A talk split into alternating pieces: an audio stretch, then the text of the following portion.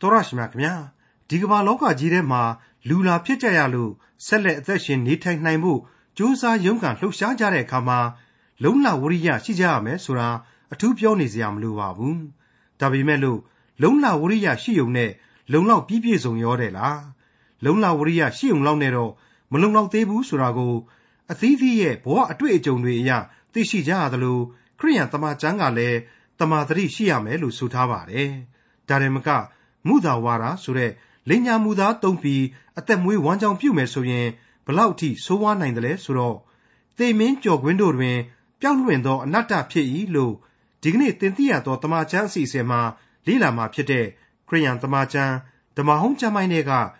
တုတ်တန်ကျမ်းအခန်းကြီး27အခန်းငယ်1ကနေအခန်းငယ်16အထိမှာဖော်ပြထားပါတယ်ခရိယန်သင်းတော်အဖွဲ့အစည်းကြီးတွေတချို့ဟာဆင်းရဲနွမ်းပါတဲ့သူတွေရဲ့ အော်ဟစ်တန်တွေကို မကြားကျင်ကြလို့နားပိတ်ထားကြသလိုမဟုတ်တဲ့နေရာတွေမှာတော့အဟောတိကံဖြစ်နေကြပြီးတကယ်ကူညီရမယ့်နေရာတွေသုံးဆွဲရမယ့်နေရာတွေကြတော့တွန့်တူနေတတ်ကြတာဟာမဖြစ်တဲ့အတိုင်းစင်ကျင်သတိထားကြရမယ့်အကြောင်းတုတ်တန်ကျန်အခန်းကြီး27အခန်းငယ်1ကနေအခန်းငယ်16အထိကိုဒေါက်တာထွန်းမြတ်ရေးကအခုလိုသုံးသပ်ရင်းတိုက်တွန်းတင်ပြထားပါတယ်မိတ်ဆွေတော်တတ်ရှင်အပေါင်းတို့ခမညာ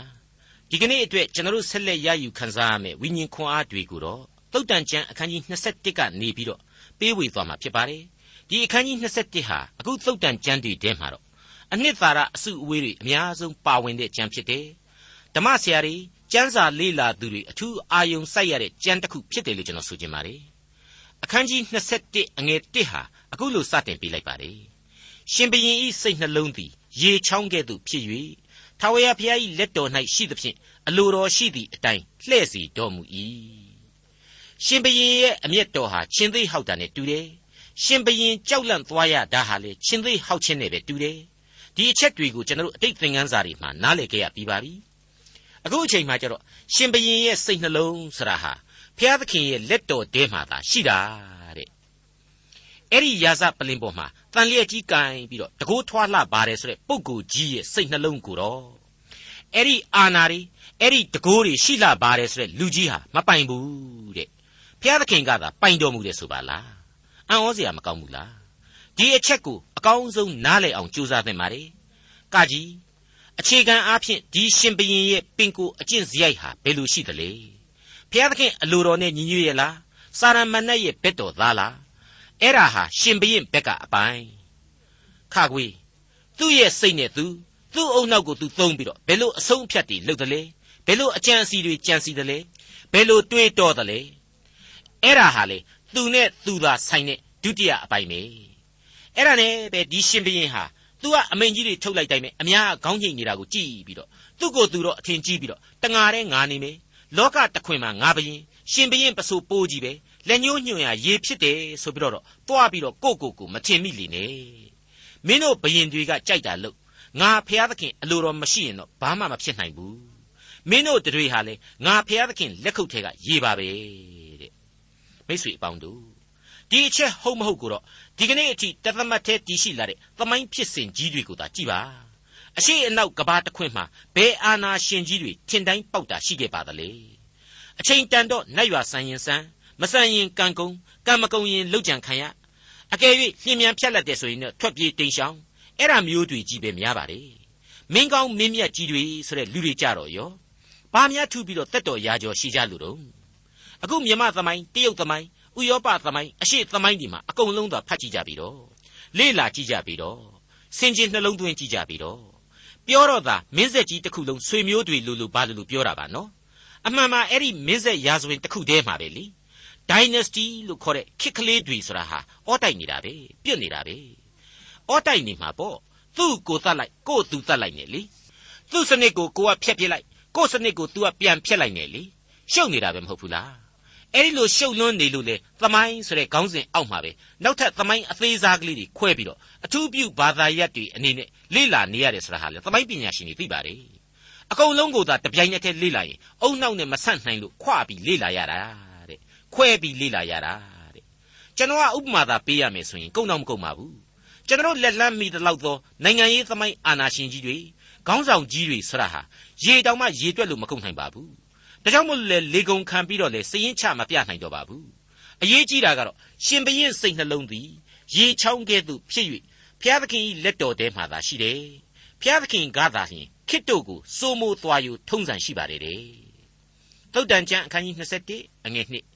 လူတို့သည်မိမိတို့ကျင့်သမျှသောအကျင့်တို့ကိုနှစ်သက်တတ်၏ထာဝရဘုရားမူကားစိတ်နှလုံးတို့ကိုချိန်တော်မူ၏လူတွေကိုကိုကိုလူကောင်းကြီးတွေလို့ထင်တတ်ကြတာလူတတ်ကြီးတွေလို့ထင်တတ်ကြတာတွေကိုဆိုလိုတာပါပဲအဲ့ဒါနဲ့ပတ်သက်လို့ဓမ္မဆရာဖြစ်တဲ့တက္ကသိုလ်တုန်းကတငယ်ချင်းတယောက်ကကျွန်တော်ကိုပြောတာသွားပြီးတော့သတိရမိပါတယ်ငါတို့သာသနာလောကထဲမှာလေလူတွေကကိုဘာတွေလုပ်တယ်ညာတွေလုပ်တတ်တယ်ဆိုပြီးတော့သိကြွားတတ်ကြတယ်ကွာအမှန်တော့ဘုရားသခင်အလိုတော်အတိုင်းအလုပ်တွေကိုဝင်လုပ်သွားကြရတာပါပဲ ဘာမှကြွားစရာမရှိဘဲကြွားကြတယ်အဲ့ဒီလိုလူမျိုးတွေကိုငါသိမကြည့်ချင်ဘူးဒါကြောင့်မလို့ငါမှန်လဲမကြည့်တော့ဘူးတဲ့အဲ့ဒါနဲ့ကျွန်တော်ကဟာတငယ်ချင်းမင်းကလူကြွားတွေကိုမကြည့်ချင်တာလေဘာဖြစ်လို့မှန်မကြည့်တာလဲဆိုတော့အဲ့ဒီလူကြွားတွေထဲမှာငါလဲပါနေလို့ပါတငယ်ချင်းတဲ့အဲ့ဒါနဲ့ပဲကျွန်တော်ကလည်းသူပြောတာကိုစဉ်းစားရင်းနဲ့အားကြမခံဝန်ခံနေပါလေကျွန်တော်လည်းအဲ့ဒီလိုကိုကိုကိုခဏခဏအထင်ကြီးမိလို့ကျွန်တော်တငယ်ချင်းလိုပဲမှန်မကြည့်ရတဲ့ဘဝကိုရောက်တတ်တဲ့အကြောင်းဝန်ခံပါရစေ။ ယေရမိအနာဂတိကျမ်းအခန်းကြီး16အငယ်6ကနေ17ထဲမှာအခုလိုဆိုထားပါတယ်စိတ်နှလုံးသည်ခတ်သိမ်းသောအရာတဲ့ဆင်းလဲတတ်၏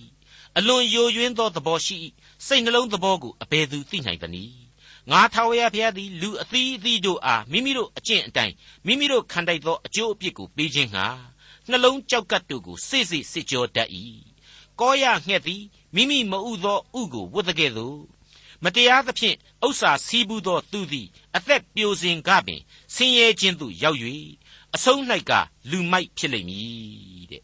မိษွေတော်တတ်ရှင်အပေါင်းတို့ခမညာဖျားသခင်ဟာနှလုံးပါရဂူကြီးပဲကြောက်ကပ်ပါရဂူကြီးပဲဘယ်လောကကြီးကသမားတော်ကြီးတွေမှမမြင်နိုင်တဲ့အဲ့ဒီအစ္ဆထဗရန်ဒီအလုံးစုံကိုမြင်နိုင်တယ်ပြင်လဲပြင်ပေးနိုင်တယ်သူ့ကိုယုံကြည်ကြပါအားကိုးခိုလှုံကြပါသူချထားပေးတော်မူတဲ့ကျေးဇူးတော်အသက်လမ်းကို ဘဝပေး၍ရွေးကြပါလို့တိုက်တွန်းနှိုးဆော်လိုက်ပါတယ်သုတ်တန်ကျမ်းအခန်းကြီး27အငယ်3ရစ်ပူဇော်ခြင်းကိုနှစ်သက်တော်မူသည့်တဲ့ဖြောင့်မတ်စွာပြုခြင်းတရားသဖြင့်စီရင်ခြင်းကိုထာဝရဘုရားသည်သာ၍နှစ်သက်တော်မူ၏အမြဲတမ်းယင်ပါနေရတဲ့တရားတော်ပါပဲနှလုံးသားအစ္ဆထစိတ်အစဉ်ကိုမြင်ပါတယ်ကြောက်ကပ်လို့ခေါ်တဲ့ခန္ဓာကိုယ်အမြုတေကိုမြင်နိုင်ပါတယ်လို့ဆိုနေမှာပဲ အပေါ်ယံကနွားပဲနှကောင်သိုးပဲနှကောင်ပဲရစ်ပူဇော်နေပြီစိတ်ထဲကဖြောက်မှတ်ခြင်းမရှိရင်အလကားပဲဖြစ်ကုန်ပြီသူကစိတ်တက်ကိုသာလိုချင်တာကိုကအဲ့ဒီစိတ်တက်ကိုကမမှန်ကန်ဘူးဆိုတဲ့နောက်တော့သွားပြီပေါ့ကိုရဲ့အပေါ်ယံလွှာပူဇော်ခြင်းတွေအကျင့်တွေအစဉ်အလာတွေအကုန်လုံးဟာအချီးနှီးပဲဖြစ်သွားပါလိမ့်မယ်သဲတဲ့ရေသွန်းဆိုတာမျိုးပဲဖြစ်ကုန်ပါလိမ့်မယ်ဒီအကြောင်းတွေကိုဒီလိုပြောရတော့ယေဘရဟိတ်ရှမွေလာကနေပြီးတော့ရှောလူဘရင်ကိုပြောခဲ့တဲ့အချက်တွေနဲ့လေရှင်တွဲစဉ်းစားနိုင်ပါလိမ့်မယ် ဓမ္မရာဇဝင်ပထမစာဆောင်အခန်းကြီး15အငယ်22နဲ့23မှာလည်းတွေ့ရပြီးသားပါရှမွေလာကလည်းထာဝရဘုရား၏အမိန့်တော်ကိုနားထောင်ခြင်း၌အာရတော်မူတကယ်သို့မိရှုရာရစ်အစရှိသောရစ်မျိုးတို့ကိုပူဇော်ခြင်း၌အာရတော်မူမည်လောအလိုတော်သို့လိုက်ခြင်းသည်ရစ်မျိုးတဲ့သာ၍ကောင်း၏နားထောင်ခြင်းသည်သိုးရီစီဥတဲ့သာ၍ကောင်း၏ညင်းဆန်သောသဘောသည်နတ်ဆိုးနှင့်ပေါင်းခြင်းကဲ့သို့၎င်း ခိုင်မာသောသဘောသည်ဘေရင်တစားကိုသုံးခြင်းကဲ့သို့၎င်းအပြစ်ကြီး၏သင်သည်ထာဝရဘုရား၏စကားတော်ကိုပယ်သောကြောင့်ထာဝရဘုရားသည်ရှင်ဘရင်အရာကိုနှုတ်၍သင်ကိုပယ်တော်မူပြီဟုဆို၏ဒီနေရာမှာဒါဝိမင်းကြီးဆက်ဆိုခဲ့တဲ့136ခုမြောက်သောဇာလံအငယ်108ကနေ130အတွင်းမှာလေအခုလိုကျွန်တော်တို့တွေ့နိုင်ပါတယ်။အိုးထာဝရဘုရားအကျွန်ုပ်သည်စေတနာစိတ်ရှိ၍ကိုနှုတ်နှင့်ဆက်သောပူဇော်သက်ကာတို့ကိုနှစ်သက်တော်မူပါ။ စီရင်တော်မူချက်တို့ကိုလည်းအကျွန်ုပ်၌သွန်သင်တော်မူပါဟုတောင်းပန်ပါ၏။အကျွန်ုပ်အသက်သည်ကိုလက်၌အစဉ်ရှိပါ၏။သို့တော်လည်းတရားတော်ကိုမမေ့မလျော့ပါ။မတရားသောသူတို့သည်အကျွန်ုပ်အဖို့ကြော်ကွင်းကိုထောင်ထားကြပါ၏သို့တော်လေကိုရောဤဥပရိသများမှလွှဲ၍မသွားပါတဲ့ဟုတ်ပါတယ်မိတ်ဆွေအပေါင်းတို့မိတ်ဆွေအပေါင်းတို့ရဲ့ပဂရိအခြေအနေမှန်ကိုမိတ်ဆွေတို့သိတယ်လို့ထင်တာတဲ့ဘုရားသခင်ဟာပို့ပြီးသိပါတယ် အဲ့ဒီလိုအသက်ရှင်တော်မူသောအနန္တတကုရှင်ဘုရားသခင်ကိုကြောက်ရွံ့ယူသေးကြပါသူမကြိုက်တဲ့အမှုအရာတွေကိုရှောင်ကျဉ်နိုင်ကြပါစေလို့တင်ပြလိုက်ပါရစေသုတ်တန်ကျမ်းအခန်းကြီး27အငယ်၄ထောင်သွားသောမျက်နှာမာနကြီးသောနှလုံးမတရားသောသူတို့၏အလင်းတော်လေအပြစ်ပါ၏မတရားသောသူတို့စီမှာလေအလင်းရှိတယ်ဆိုပါလားအံ့စရာမကောင်းဘူးလားကျွန်တော်ကအချိန်ချင်းဆိုသလိုနော်စာရမဏတ်ဘက်တော်သား အပြစ်ဒုစရိုက်အမောင်စသဖြင့်စသဖြင့်ပြောခဲ့တာနဲ့အန်ချော်တလူလူဖြစ်နေပြီပေါ့အမှန်ကတော့အလင်းတရားရဲ့အလင်းမဟုတ်ပါဘူးမိမ့်မိုက်ရိုင်းရိုင်းနဲ့တစူးစားလှုပ်သမျှဂိုင်းသမျှတွေကိုဆိုလိုခြင်းဖြစ်ပါတယ် plowing of the wicked ဆိုပြီးတော့အင်္ဂလိပ်ကျမ်းစာမှာဖော်ပြထားပါတယ်အငယ်ငါလုံလဝရိယပြုသောသူ၏အကြံအစီသည်ကြွယ်ဝချမ်းသာခြင်းနှင့်၎င်းတမာသတိမရှိသောသူ၏အကြံအစီသည်ဆင်းရဲခြင်းနှင့်၎င်းဆိုင်ပေ၏ ဒီအပိုင်းမှာစာကြောင်းတစ်ကြောင်းချင်းကိုအတိတ်ပဲမပြတ်သင့်ပဲနဲ့ပေါင်းစုခံယူကြရပါလိမ့်မယ်လုံလဝရိယတော့ရှိပါရဲ့တမာသတိမရှိရင်လည်းမဖြစ်သေးဘူးတမာသတိဆိုတာဟာရိုးရိုးသတိထားတာစင်ကျင်တုံတရားထားတာကိုကြည့်လည်းမဆိုလိုသေးဘူးဘုရားသခင်ကိုယုံကြည်ကိုးစားခြင်းနဲ့ဆိုင်တဲ့သတိတရားပဲဖြစ်ပါတယ်ကျွန်တော်မကြာခဏကြားရတဲ့စကားတွေရှိပါတယ်ထောင်မြင်ရင်ရာစွန်းနဲ့ငွေများရင်တရားနိုင်တယ်တဲ့ပြီးတော့စ조사ရင်ဒိုးပြားရနိုင်တယ်တဲ့ရှိသေးတယ်နော် ကြွက်သေးတစ်ခုအရင်ပြုတ်ပြီးတော့တထေးဖြစ်တဲ့ပုံပြင်ဥပမာအတိုင်းပဲတဲ့အဲ့ဒီလိုကြားရတဲ့စကားတွေဟာလှိုင်းလှိုင်းဝင်နေပါလေအကောင်းဘက်ကနေရှုမြင်သုံးသပ်ပြီးတော့အမျက်ရနိုင်တဲ့နည်းတွေပဲပေါ့ဒါကောင်းပါလေ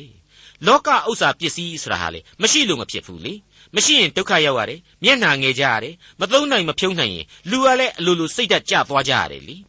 တချို့များဆိုရင်ပိုက်ဆံမရှိတဲ့အခါကျတော့မျက်နှာလေးကိုငဲနေရှာတယ် ဒါပေမဲ့ဖြောင့်မတ်ခြင်းတရားနှင့်နိုင်ငံတော်ကိုရှေးဥစွာရှာကြလော့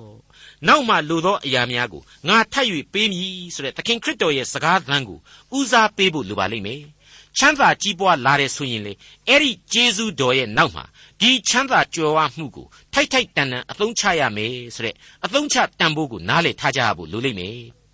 ဂျေဇုတော်နဲ့အတူပူးတွဲပါတာဝန်ဟာလေကိုယ့်ဘက်မှာရှိနေသေးတယ်ဆိုတာကိုနားလည်ဖို့အထူးပဲလိုအပ်လာပါတယ် အဲ့ဒီလိုစည်းစိမ်ချမ်းသာတွေအကြောင်းကိုထုံမှွန်းပြီးပြီဆိုတော့အခုဆက်ပြီးတော့တခါတည်း၆လှမ်းလိုက်တဲ့အချက်တစ်ခုပေါ်လာပါတယ်အငယ်၆ဖြစ်ပါတယ်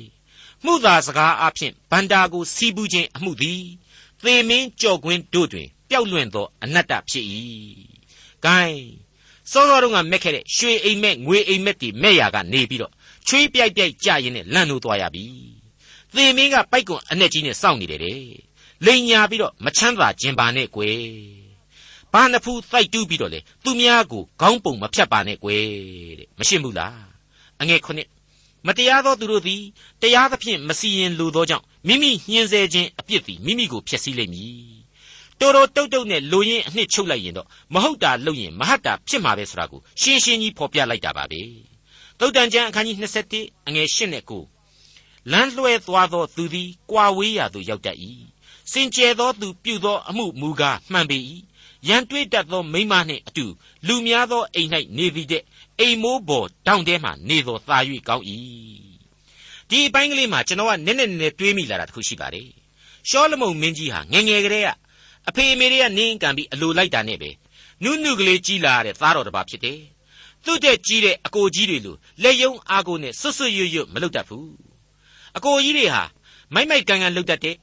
ကြမ်းကြမ်းရမ်းရမ်းလည်းနေတတ်တယ် အဲ့ဒီလိုမိုက်လို့ကြမ်းလို့လေစောစောသေးကုန်ကြတဲ့အတွက်သာလျှင်ရှောလမုန်နမ်းရတာဖြစ်ပါလေသူကဒါဝိမင်းကြီးရဲ့လက်ရွေးစင်သားတော်ဟုတ်ခဲ့မဲလို့လေကျွန်တော်မယူဆနိုင်ပါဘူးဒါပေမဲ့ဘုရားသခင်ကျေးဇူးတော်ကြောင့်သာလျှင်ရာဇပလင်ပေါ်ကိုငုတ်တုတ်ကလေးရောက်လာပြီးတော့ကောင်းကြီးတွေအမျိုးမျိုးလောကဥစ္စာတွေအမျိုးမျိုးပညာတွေအမျိုးမျိုးနဲ့ပြည့်စုံလာရတယ်လို့အကဲဖြတ်နိုင်တဲ့အကြောင်းကိုကျွန်တော်အနေနဲ့ဓမ္မရာဇဝင်သင်ခန်းစာတွေကတည်းကကျွန်တော်ဖော်ပြပေးခဲ့ပြီးပါပြီ သူ့ရဲ့သားတော်မောင်ရှောလမုန်ကိုအဖေကြီးဒါဝိဒ်ကနေပြီးတော့မှသေကန်ကြီးမှာမှားခဲ့တဲ့အချက်ကအရေးကြီးလာပါတယ်မင်းယောက်ျားပြည်သားပါစီကွယ်တဲ့အဲ့ဒီလိုမှားတာဟာတခြားကြောင့်မဟုတ်ပါဘူးသူ့သားတော်မောင်ဟာမိန်းကလေးတွေကြားထဲမှာပဲဆွဲကြိုးကလေးစွတ်ပြီးတော့တနခါဘဲကြားလေးရိုက်လိုက်ရင်မွေးကလေးဆွတ်လိုက်အပြိုတော်တွေတယောက်ပြီးတယောက်နဲ့လိုက်တန်းပြေးတန်းလေးကစားလိုက်တူတူပုံးလိုက်နဲ့နောက်ပိုင်းကျတော့မိန်းကလေးတွေများများမရှိရင်မနေတတ်တော့ဘူးဆိုတာကိုသူသိထားတယ်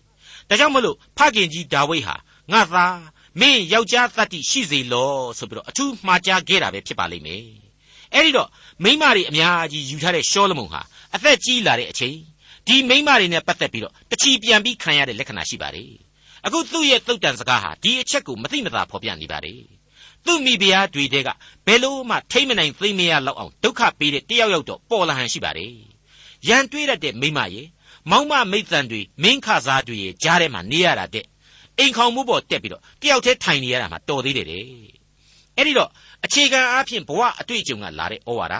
ဒါကိုလူအဖွဲ့အစည်းအတွက်အရေးကြီးလာတဲ့အဆုံးအမအဖြစ်ဝိညာဉ်တော်ဟာနှုတ်ကပတ်တော်ကတဆင့်ဖော်ပြပေးလိုက်ခြင်းနဲ့အတူတူပါပဲမိတ်ဆွေကျွန်တော်မကြာခဏပြောမှုတဲ့အတိုင်းပဲကိုနဲ့ကိုစိတ်နှလုံးနဲ့သာတိုင်ပင်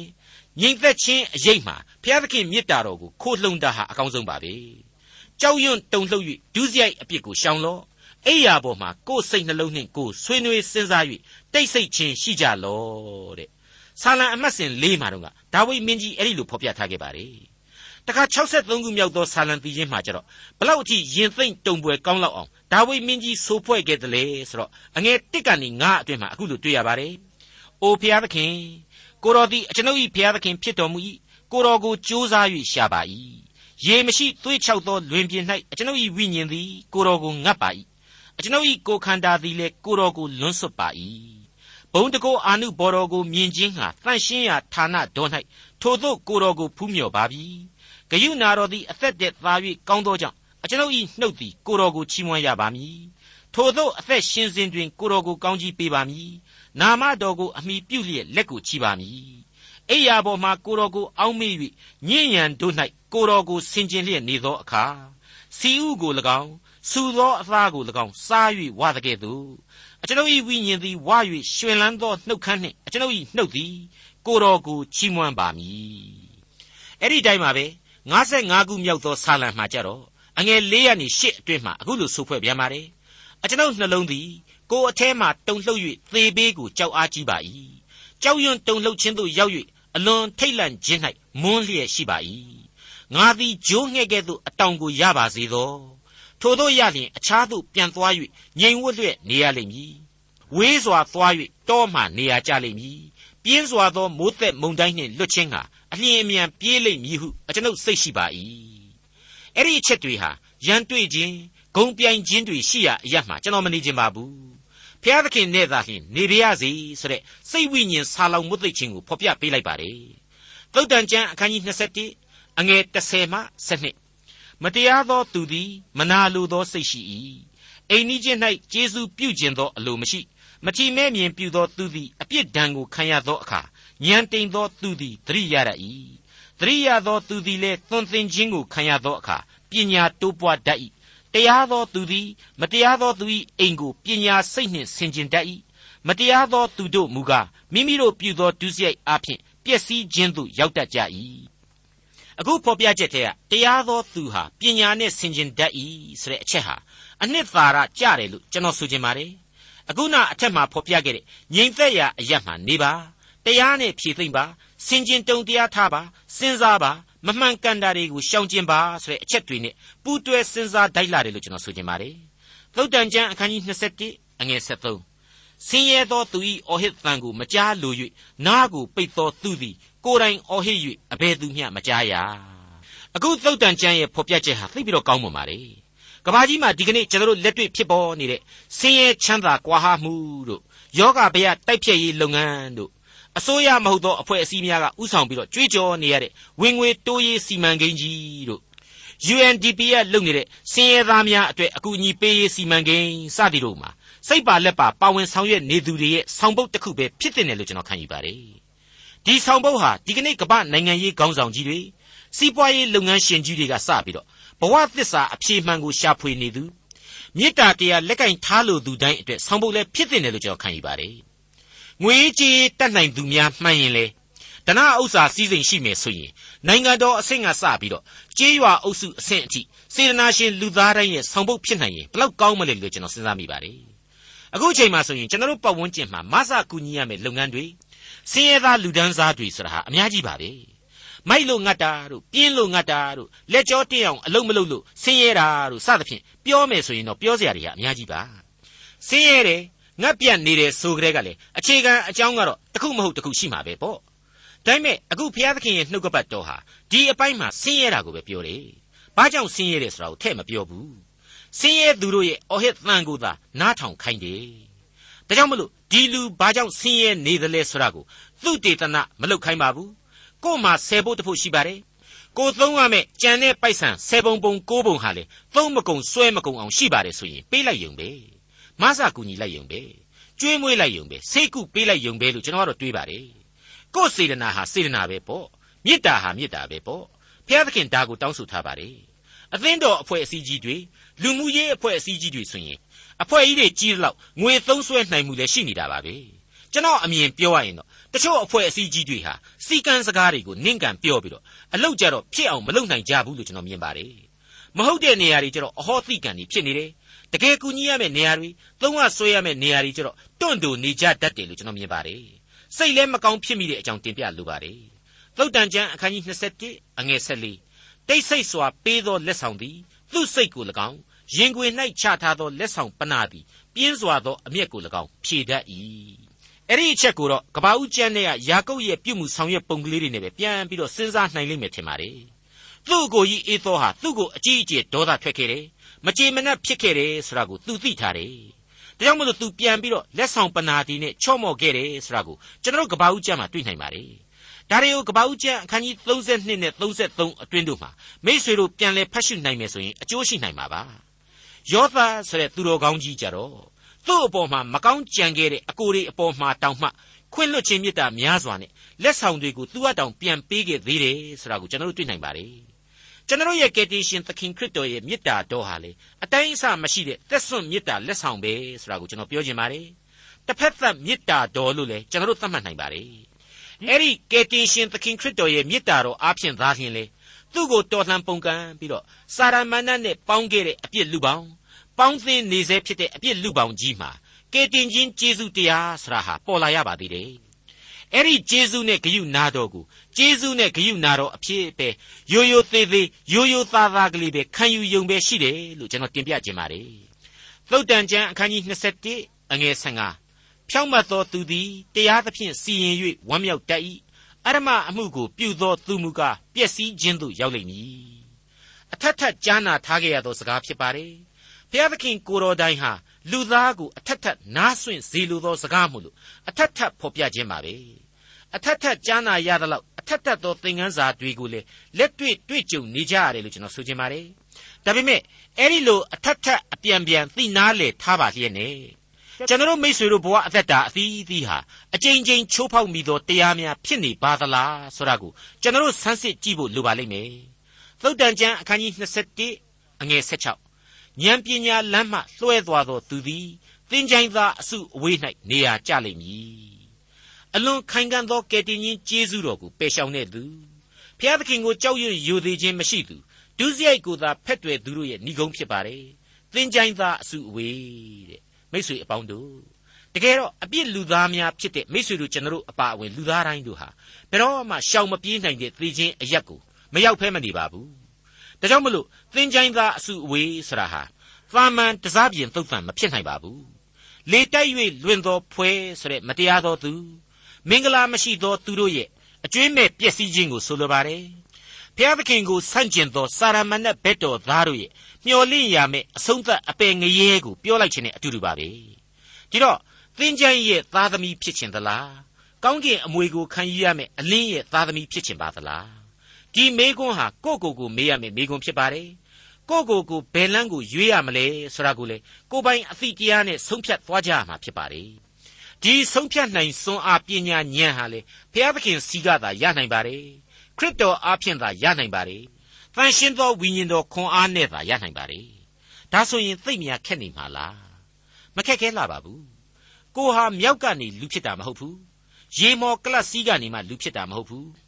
လူမွန်လိုကြောက်ခမန်းလိလိတတ္တဝါကြီးကမှတရွေ့ရွေ့ဖြစ်စေနဲ့ပြောင်းလဲတိုးတက်ပြီးတော့လူဖြစ်လာတာမဟုတ်ဘူးအသက်ရှင်တော်မူသောဘုရားသခင်ပေးတော်မူသောလူဘဝမှာရှင်သန်ရတယ် အပြစ်စာတိပဂရိနဲ့လူသမိုင်းကိုခြိတက်လာရတဲ့လူတစ်ယောက်သာဖြစ်တယ်ဇာတိပဂရိအရာကသေကိုသေရမှာမဟုတ်ချဖြစ်တယ်။ဒါပေမဲ့ခရစ်တော်ပြီးတဲ့ကယ်တင်ခြင်းသေခြင်းကိုအောင်မြင်ခြင်းဆိုတဲ့အခွင့်အရေးတွေကိုယုံကြည်ခြင်းအပြင်ရယူနိုင်တယ်ဆိုတာကိုသိုံမျှနဲ့သမာတရားဟာနှလုံးသားထဲမှာတည်လာရမှာဖြစ်ပါတယ်။ကိုရွေးချယ်ရာလမ်းကိုဖြောင့်တန်းရှင်းလင်းစွာမြင်ရသည့်အထိဒီသမာတရားဟာလမ်းပြပို့ဆောင်သွားမှာဖြစ်ပါတယ်။ ရှင်ဘရင်ဤစိတ်နှလုံးသည်ရေချောင်းကဲ့သို့ဖြစ်၍ထာဝရဘုရား၏လက်တော်၌ရှိသဖြင့်အလိုတော်ရှိသည့်အတိုင်းလှည့်စေတော်မူ၏လူတို့သည်မိမိတို့ကျင့်သမျှသောအကျင့်တို့ကိုနှစ်သက်တတ်၏ထာဝရဘုရားမူကားစိတ်နှလုံးတို့ကိုချိန်တော်မူ၏ရစ်ပူဇော်ခြင်းကိုနှစ်သက်တည်တဲ့ဖြောင့်မတ်စွာပြုခြင်းတရားသဖြင့်စီရင်ခြင်းကိုထာဝရဘုရားသည်သာ၍နှစ်သက်တော်မူ၏ထောင်လွှားသောမျက်နှာမာနကြီးသောနှလုံးမတရားသောသူတို့၏အလင်းတော်လည်းအပြစ်ပါ၏ လုံလဝရိယပြုသောသူ၏အကြံအစီသည်ကြွယ်ဝခြင်းနှင့်၎င်းတမာတရိမရှိသောသူ၏အကြံအစီသည်ဆင်းရဲခြင်းနှင့်၎င်းဆိုင်ပေ၏မှုသာစကားအဖြစ်ဗန္တာကိုစီးပူးခြင်းအမှုသည်သေမင်းကြော့ကွင်းတို့တွင်ပျောက်လွင့်သောအနတ္တဖြစ်၏မတရားသောသူတို့သည်တရားသဖြင့်မစီရင်လိုသောကြောင့်မိမိညှင်းဆဲခြင်းအပြစ်သည်မိမိကိုဖျက်ဆီးလိမ့်မည်လမ်းလွှဲသွားသောသူသည်ကြွာဝေးရာသို့ရောက်တတ်၏စင်ကြယ်သောသူပြုသောအမှုမူကားမှန်ပေ၏ ရန်တွေးတတ်သောမိမနှင့်အတူလူများသောအိမ်၌နေသည်တဲ့အိမ်မိုးပေါ်တောင်ထဲမှနေသောသာ၍ကောင်း၏မတရားသောသူသည်မနာလိုသောစိတ်ရှိ၏အိမ်နီးချင်း၌ကျေးဇူးပြုကျင်သောအလိုမရှိမထီမဲ့မြင်ပြုသောသူသည်အပြစ်ဒဏ်ကိုခံရသောအခါဉာဏ်တိမ်သောသူသည်သတိရတတ်၏သတိရသောသူသည်လည်းသွန်သင်ခြင်းကိုခံရသောအခါပညာတိုးပွားတတ်၏တရားသောသူသည်မတရားသောသူ၏အိမ်ကိုပညာစိတ်နှင့်ဆင်ခြင်တတ်၏ မတရားသောသူတို့မူကားမိမိတို့ပြုသောဒုစရိုက်အားဖြင့်ပျက်စီးခြင်းသို့ရောက်တတ်ကြ၏ဆင်းရဲသောသူ၏အော်ဟစ်သံကိုမကြားလို၍နားကိုပိတ်သောသူသည်ကိုယ်တိုင်အော်ဟစ်၍အဘယ်သူမျှမကြားရတိတ်ဆိတ်စွာပေးသောလက်ဆောင်သည်သူ့စိတ်ကို၎င်းရင်ခွင်၌ချထားသောလက်ဆောင်ပနာသည်ပြင်းစွာသောအမျက်ကို၎င်းဖြေတတ်၏ဖြောင့်မတ်သောသူသည်တရားသဖြင့်စီရင်၍ဝမ်းမြောက်တတ်၏အရမအမှုကိုပြုသောသူမူကားပျက်စီးခြင်းသို့ရောက်လိမ့်မည် ဉာဏ်ပညာလမ်းမှလွှဲ၍သွားသောသူသည်သင်ချိုင်းသားအစုအဝေး၌နေရာကျလိမ့်မည်သင်သိရသောသမာကျမ်းရဲ့မိတ်ဆွေတော်တတ်ရှင်အပေါင်းတို့ခမညာဒီကနေ့ကြားနာရတဲ့သုတ်တန်ကျမ်းရဲ့ဩဝါဒစာသင်ခန်းစာတို့အပြင်မိษွေတို့ကျွန်တော်တို့အသီးသီးတို့ရဲ့အသက်တာမှာပြုပြင်ပြောင်းလဲခြင်းရှိနိုင်ကြပါစေအဖဖျားသခင်ကိုပုံမူတိကျွမ်းနားလေသောသဘောအားဖြင့်အဖဖျားသခင်ပေးသနာတော်မူသောကယ်တင်ခြင်းကျေးဇူးနှင့်ထိုက်တန်သောသူများဖြစ်နိုင်ကြပါစေ ကယ်တင်ရှင်ပေးတော်မူသောကျေးဇူးနှင့်ဂရုနာတော်ကိုပတ်ဝန်းကျင်မှာထက်ဆင့်ဝေမျှနိုင်သောသူများအသီးသီးဖြစ်နိုင်ကြပါစေလို့ကျွန်တော်အစဉ်တစိုက်မေတ္တာပို့သလျက်ရှိနေပါတယ်ခင်ဗျာဒေါက်တာထွန်းမြတ်ရေးစီစဉ်တင်ဆက်တဲ့တင်ပြတော်တမချန်းအစီအစဉ်ဖြစ်ပါတယ်နောက်တစ်ချိန်အစီအစဉ်မှာခရိယန်တမချန်းဓမ္မဟောင်းကျမ်းပိုင်းတွေကတုတ်တန်ကျမ်းအခန်းကြီး27အခန်းငယ်16ကနေအခန်းငယ်31အထိကိုလေ့လာမှာဖြစ်တဲ့အတွက်စောင့်မျှော်နားဆင်နိုင်ပါတယ်။